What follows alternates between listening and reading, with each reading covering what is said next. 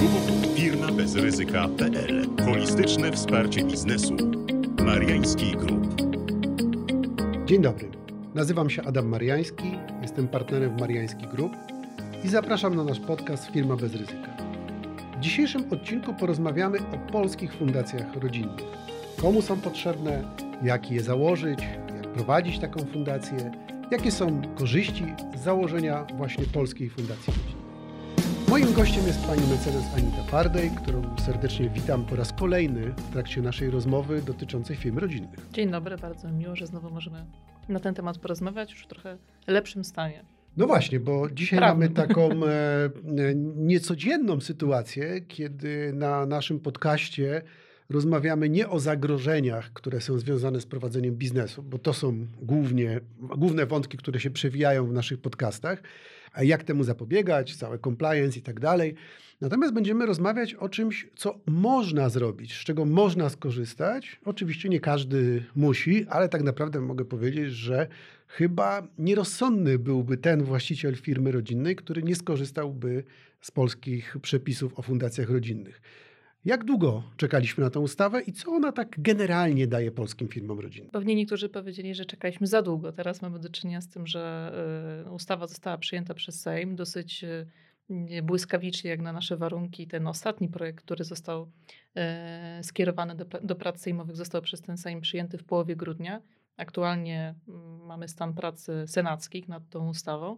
Także spodziewamy się, że biorąc pod uwagę vacatio legis, to trzymiesięczne, to być może już w czerwcu udałoby się rozpocząć pracę nad konkretnymi e, fundacjami rodzinnymi dla, dla konkretnych firm rodzinnych.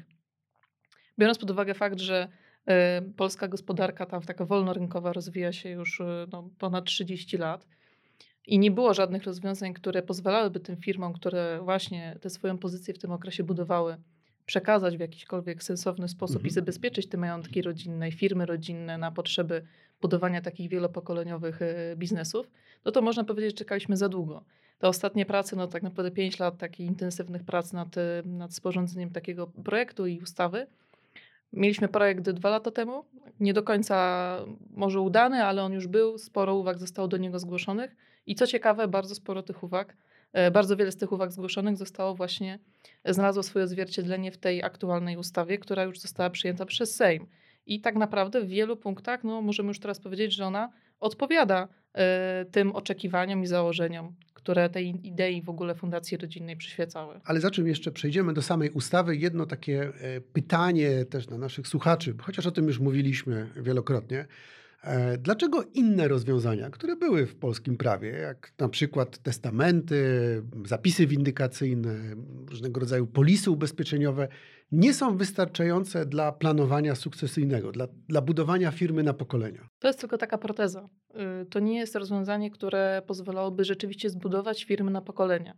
To jest y, testament, y, zapis windykacyjny, to jest rozwiązanie tymczasowe, na pewno nie pozwalające zabezpieczyć tej firmy przed ewentualnymi roszczeniami innych spadkobierców, co do których mielibyśmy powiedzmy inne plany niż, y, niż to się może zadziać później.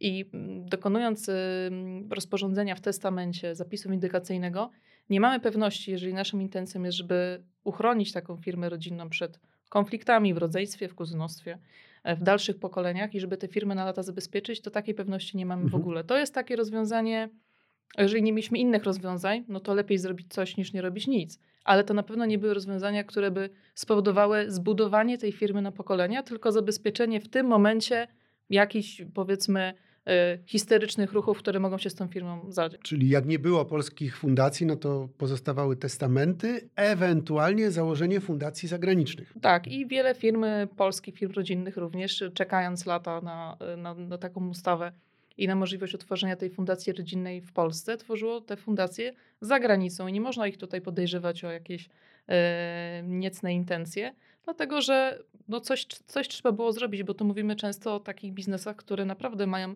bardzo duże oddziaływanie, e, też w skali całej gospodarki, więc trudno tutaj oczekiwać, że takie osoby czekałyby w nieskończoność, aż takie rozwiązania się pojawią. Tak, bo tutaj e, tym głównym celem fundacji jest właśnie zabezpieczenie majątku na pokolenia, a nie tylko przekazanie kolejnemu pokoleniu, co można zrobić e, testamentem. Czyli inaczej mówiąc, jeżeli ktoś ma testament, no to było to jakieś zabezpieczenie na ten moment, ale w tej chwili powinien już e, myśleć o tym, aby od czerwca zarejestrować taką fundację. Oczywiście to nie jest takie proste. Tutaj zwracamy wielokrotnie uwagę na to, że to nie jest produkt, który mhm. da się kupić jako gotowy, tak jak spółkę ZO, chociaż spółce ZO też się nie da gotowego, też powinniśmy wprowadzać tak. odpowiednie zmiany, żeby zabezpieczyć wspólników, tylko powinniśmy wypracować odpowiednie zasady rodzinne, czyli ten ład rodzinny, my to nazywamy konstytucją rodzinną, aby w ogóle można było myśleć o takiej fundacji, która rzeczywiście da zabezpieczenie na pokolenia, a nie jest tylko kolejnym e, rozwiązaniem, które wydaje się, że zabezpiecza właśnie w ten sposób rodzinę. Tak, i w ogóle jak mówimy o fundacji rodzinnej, no to, to to, co pan profesor powiedział, to jest o tyle istotne, że tutaj stykają się dwa bardzo ważne pola, jeżeli chodzi o życie przedsiębiorcy, czy kogoś, kto prowadzi dużą mhm. firmę. Bo z jednej strony mamy rodzinę, a z drugiej strony mamy ten biznes, który czasami też jest dzieckiem i chcemy w jakiś sposób to pogodzić. Dlatego korzystanie z jakichś gotowych rozwiązań no nie zawsze będzie, to, nie, to nigdy nie w, zas, nie w zasadzie nie będzie dobre rozwiązanie. Te rozwiązania powinny zostać uszyte pod tą konkretną rodzinę, pod ten konkretny biznes.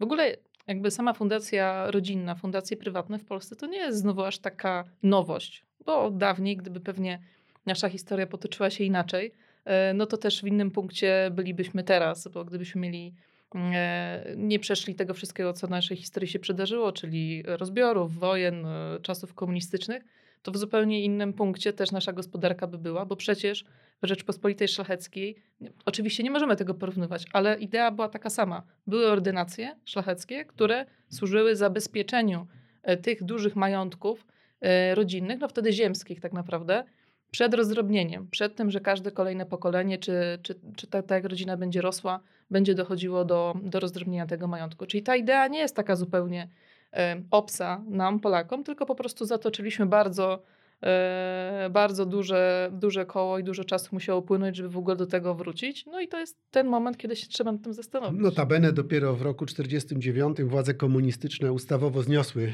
ordynacje szlacheckie jako coś, co jest antysocjalistyczne, czyli właśnie kapitał, gromadzony kapitał, pomnażany jest niezgodny z duchem marksistowskim a wiemy o tym, że przedsiębiorczość to jest to, co pozwala rozwijać się gospodarce, co obserwujemy przez ostatnie tak, 30 lat.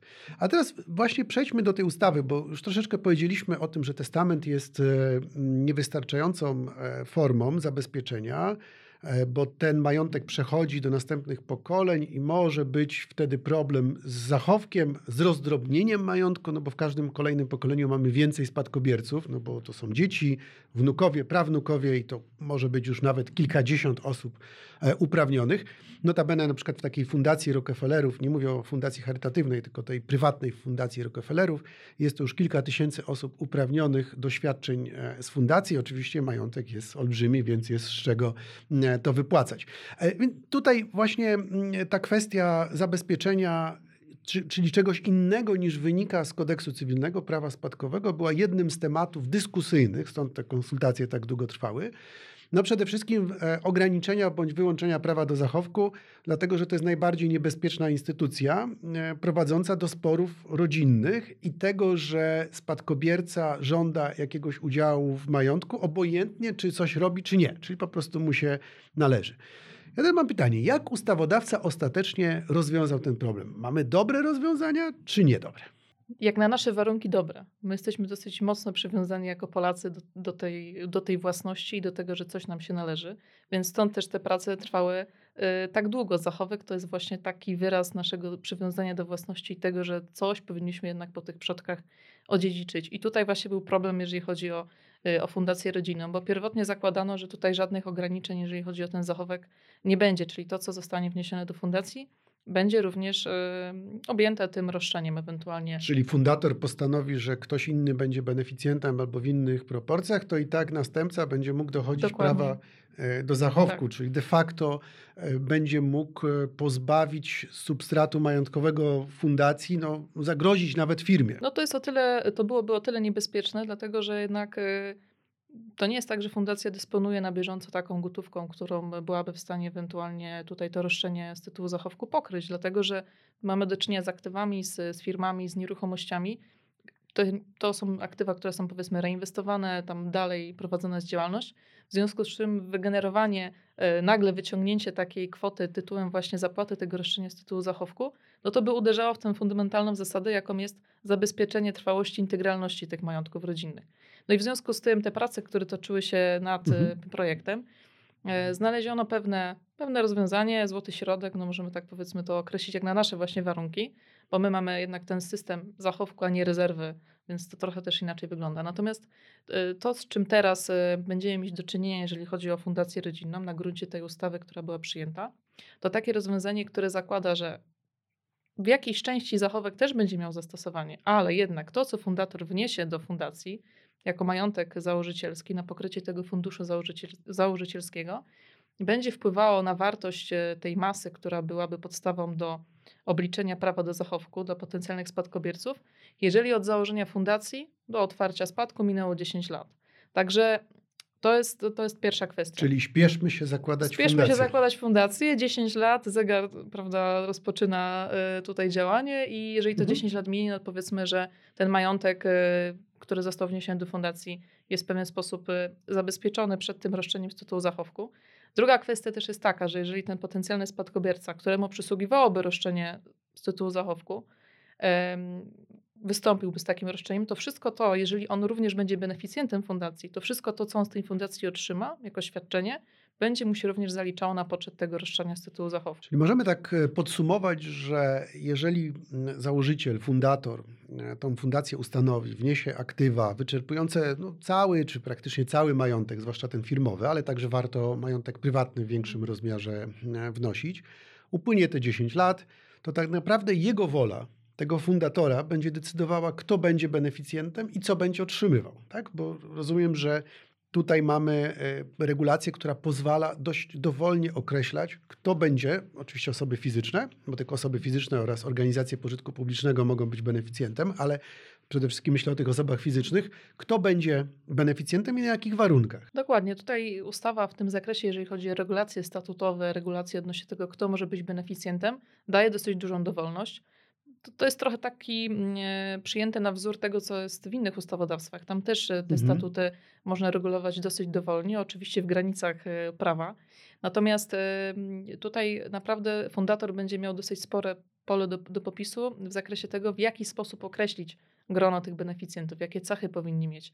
I to jest bardzo ważne, bo na przykład jeżeli fundator wyobraża sobie, że beneficjentem fundacji, którą on tworzy, może być jedynie osoba, która po pierwsze uzyskała jakieś solidne wykształcenie, być może w jakiejś dziedzinie inżynieryjnej, nie wiem, została lekarzem, prawnikiem i tak czy też powinna skończyć jeden z określonych y, w rankingu, powiedzmy światowym, y, uniwersytetów, no to również może takie postanowienie w tym statucie zawrzeć. I jeżeli dana osoba, pomimo tego, że spełniałaby jakieś inne wszystkie warunki, tego akurat warunku nie spełni, to takim beneficjentem nie będzie mogła być. Można wprowadzić również ograniczenie wieku. To znaczy, że ok, możesz, możesz być beneficjentem, ale jak skończysz na przykład, nie wiem, 30-40 lat, to też y, trochę ma jednak y, na celu zabezpieczenie też tych członków rodziny potencjalnych, albo też innych osób, bo beneficjentem nie musi być tylko członek rodziny. Ale co do zasady dzieci, wnuków, przed, takim, przed taką pokusą, żeby ten majątek, który został zgromadzony, dosyć łatwy sposób wydać. Tylko żeby jednak próbować zbudować coś samemu i ewentualnie dalej to rozwijać. Dokładnie. I tutaj jeszcze też jest istotne to, że ta ustawa pozwala dowolnie kształtować, jaki rodzaj świadczeń będzie na rzecz beneficjentów. Tak, to nie Czyli... muszą być tylko świadczenia pieniężne. E, tak, to może być pokrycie kosztów studiów tak, chociażby, tak, tak, a propos tego, co tu rozmawialiśmy. Ja tu tylko taką jedną uwagę, mm, e, zaraz o tym sobie powiemy, ale generalnie ustawa bardzo preferuje, żeby to byli jednak członkowie rodziny, stąd nazwa Fundacje Rodzinne, nie może zakazać, ale chociażby bardzo e, negatywnie, bo podwójnie opodatkowuje świadczenia do osób e, dalszych, nie z najbliższego kręgu rodzinnego, z tak zwanej grupy zerowej w podatku od spadków mm. i czyli tych najbliższych członków rodziny, bo wtedy mamy podwójne opodatkowanie. O tym zaraz sobie jeszcze powiemy. Ale to też wskazuje sama nazwa i cel fundacji. Dla rodziny, zabezpieczenie majątku rodzinnego, a nie fundacja prywatna, tylko to jest właśnie rodzinna. No i jeżeli wiemy już o tym zachowku, to było to pierwsze jakby mm, na, nasze zastrzeżenie co do pierwszego, pierwotnego projektu ustawy, e, to możemy sobie też tutaj bardzo mocno wskazać, że ustawa daje możliwości, ale tak naprawdę to my powinniśmy mhm. wypełnić treścią to, co chcemy osiągnąć, czyli statut fundacji kto ma być beneficjentem, na jakich zasadach, zasady inwestowania i tak dalej, i tak dalej. Mnóstwo rzeczy, których oczywiście dzisiaj nie omówimy, ale drugie zagadnienie, które budziło wątpliwości, to było opodatkowanie. Czy ustawodawca po tych latach stanął na wysokości zadania? No to jest bardziej pytanie do pana profesora, ale ja postaram się częściowo na to przynajmniej odpowiedzieć. E, wydaje się, że stanął na wysokości zadania, e, ponieważ no też to od lat środowiska biznesowe i te rodzinne związane z firmami rodzinnymi przede wszystkim, mówiły o tym, że fundacja nie ma na celu w jakikolwiek sposób unikania opodatkowania. To nie o to chodzi. To też ma nie być żaden wehikuł optymalizacyjny, który właśnie służył, miałby służyć właśnie unikaniu opodatkowania, tylko to ma właśnie na celu zabezpieczyć mhm. i umożliwić dalsze inwestowanie e, firmom rodzinnym, tak żeby e, też uniknąć jakichś historycznych ruchów sprzedaży tych firm rodzinnych, zabezpieczyć je na pokolenia. I stąd właśnie e, ta kwestia opodatkowania, która jest wynikową tych założeń. To znaczy, że fundacja co do zasady jest zwolniona z opodatkowania. Ona jest objęta e, podatkiem, e, od, podatkiem CIT, natomiast jest zwolniona z, z tego podatku. Wniesienie wkładu na pokrycie tego funduszu założycielskiego, co istotne, też będzie zwolnione z tego, z tego opodatkowania. To są bardzo istotne kwestie, które też pozwolą szerzyć tę ideę fundacji rodzinnej jako takiego instrumentu właśnie, który ma służyć temu e, budowaniu e, firmy na pokolenia, że to nie ma, oczywiście w pewien sposób to będzie zachęta, no bo jeżeli będziemy widzieli, że możemy zrobić coś z tą firmą rodzinną, zabezpieczyć ją i to nie będzie wiązało się z opodatkowaniem, no to niewątpliwie bardzo to będzie trafiało, zwłaszcza w tych aktualnych e, czasach, do, do tych firm rodzinnych i to pozwoli też szerzej być może propagować tę ideę w ogóle fundacji rodzinnej, ale jednak to zwolnienie z opodatkowania jest bardzo istotne. I druga bardzo istotna kwestia, właśnie z perspektywy zabezpieczenia firmy dla rodziny i majątku dla rodziny, to też kwestia ewentualnie wypłaty świadczeń na rzecz osób y, będących członkami tej rodziny, tak? bo to też jest y, dosyć korzystne, korzystnie określone. Inaczej, prawda, niż to było chyba, o ile dobrze pamiętam, w tym pierwotnym projekcie. Tak, dokładnie. Tu jest, mamy inną konstrukcję. Tak naprawdę dopiero w momencie wypłaty świadczeń na rzecz mhm. beneficjentów mhm. z najbliższej rodziny mamy 15% podatku dochodowego płaconego przez fundację. Nie płacą już sami beneficjenci, chyba że nie są najbliższą rodziną, wtedy płacą drugi raz 15%, więc mamy to, to zniechęcenie, żeby jednak to była fundacja rodzinna. Czyli to i tak jest mniej, bo chyba pierwotnie to było 19%, które teoretycznie tak. miał zapłacić beneficjent. Nawet dwa razy było 19, tak, to było jest, bardzo niekorzystne. Teraz jest 15%, więc w ogóle... Czyli, czyli generalnie rzecz biorąc, na, przykładowo możemy podać e, taką sytuację, mhm. gdy do fundacji należy spółka e, rodzinna w jakiejś tam formie chociażby spółki kapitałowej, Wypłata dywidendy jest nieopodatkowana. Fundacja może to reinwestować, pomnażać, udzielać pożyczek spółkom także należącym do fundacji, a następnie e, może to w jakiejś tam części przynajmniej wypłacić beneficjentom. Dopiero wtedy płaci podatek. Ale tutaj jeszcze taka jedna kwestia, bo ostatecznie w ustawie e, zapisano, że fundacja może prowadzić działalność gospodarczą zwolnioną od podatku dochodowego do momentu wypłaty świadczenia, czyli to jest troszkę jak estoński CIT, można powiedzieć ale tylko w pewnym zakresie, tak, zwanego, tak zwanej dozwolonej działalności gospodarczej. Co to jest? Tutaj, jeżeli mówimy, że tylko w dozwolonym zakresie może prowadzić działalność gospodarczą, to, to moglibyśmy pomyśleć, że to jest jakaś wąska, wąskie spektrum tej działalności. Tak mhm. zupełnie nie jest, bo ten katalog jest dosyć szeroki z punktu widzenia tego, co ewentualnie e, fundacja e, może robić. Pierwotnie też nie zakładano w ogóle możliwości prowadzenia przez e, fundację działalności gospodarczej, co też było przedmiotem uwag i, i dyskusji. Oczywiście, gdyby takiej możliwości nie było w ogóle, no to cóż, no mamy zabezpieczenie majątku, to też jest istotne, ale warto byłoby z tego narzędzia skorzystać jednak, e, jeśli już w ogóle w takim szerszym zakresie. I właśnie ustawa przewiduje możliwość prowadzenia działalności gospodarczej. I to może być e, działalność gospodarcza polegająca na nabywaniu, zbywaniu udziałów, nabywaniu nieruchomości, zbywaniu tych nieruchomości, ale też prowadzeniu e, działalności rolniczej. To też jest, to może też być istotne E, z punktu widzenia pewnego rodzaju e, też e, działalności gospodarczych, ale tutaj mówimy o tej działalności rolnej. Także to spektrum działania fundacji jest bardzo szerokie I z tego też względu, z jednej strony fundacja będzie zabezpieczać majątek, ale z drugiej strony może stać się narzędziem do inwestowania przez te, przez te firmy rodzinne właśnie z No wykorzystaniem po to ma fundacji. być fundacja właśnie, Tak, tak? Ale jeżeli dodatkowo mamy jeszcze optymalne warunki podatkowe, Tak, bo póki tego, tego, tego wypłaty, wypłaty tych świadczeń nie będzie, no to tak naprawdę obracanie, Mhm. y, mówiąc kolokwialnie, tymi aktywami przez fundację będzie, nie będzie opodatkowane. No właśnie, tutaj jest e, dobre rozwiązania, podatkowo również, e, które pozwalają stworzyć taki, można powiedzieć, rodzinny wehikuł inwestycyjny. Ale na końcu mam jeszcze jedno pytanie. E, Czy rodzina może próbować sama, nawet przy pomocy swojego zaufanego prawnika, który zajmuje się wszystkimi sprawami firmy, założyć fundację rodzinną, która na pewno zapewni e, zabezpieczenie majątku rodzinnego, pomnażanie nie tylko na ten moment, tylko myślę o zabezpieczeniu na pokolenia. Tutaj trzeba powiedzieć, że tak jak y, powiedzieliśmy też wcześniej, fundacja rodzinna i te regulacje dotyczące fundacji rodzinnej dają bardzo szeroki zakres uprawnień dla fundatora. Czyli z jednej strony mamy bardzo duży wachlarz możliwości i dużą dowolność, jak możemy to oczywiście y, uregulować, ale no, diabeł tkwi w szczegółach. I ktoś, kto mm, nie ma doświadczenia akurat z tego typu y, instytucjami, może mieć problem z przewidzeniem wszystkich ewentualnie konsekwencji, skutków, które mogą pojawić się za rok, dwa, 10, 20 lat, które mogą wynikać z założenia takiej fundacji rodzinnej. To wymaga jednak szerszej analizy.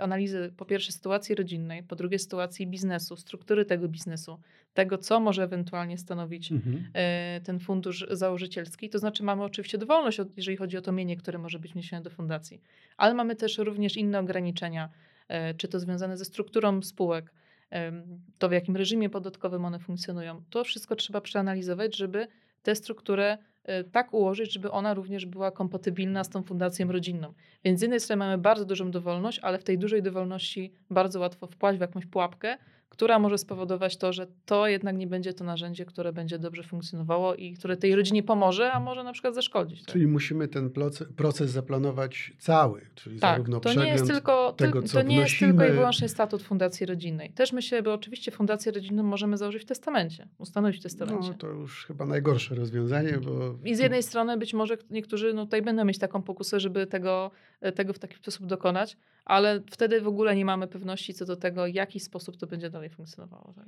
Czyli proces wymaga całego przygotowania, zaplanowania, wdrożenia, pomyślenia o tym, jakie są relacje pomiędzy rodziną a firmą, co nie zawsze o tym pamiętamy, zbudowania wszystkich tych podstaw ładu rodzinnego, nie tylko teraz w tym e, e, składzie osobowym rodziny, ale tego, co się będzie działo w kolejnych pokoleniach.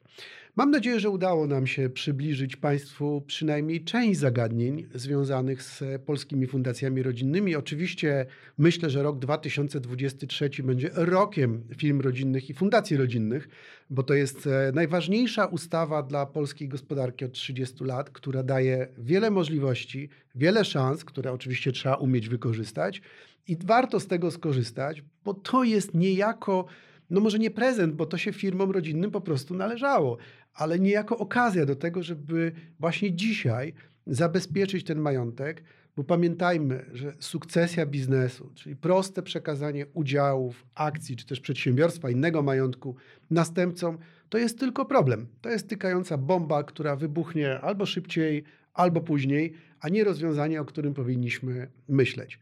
Dlatego też e, będziemy wracać do tego tematu, omawiać go na różnych naszych spotkaniach. Niedługo także będziemy mieć o wiele e, ciekawszy, rozwinięty projekt dotyczący firm rodzinnych, na który będziemy zapraszać.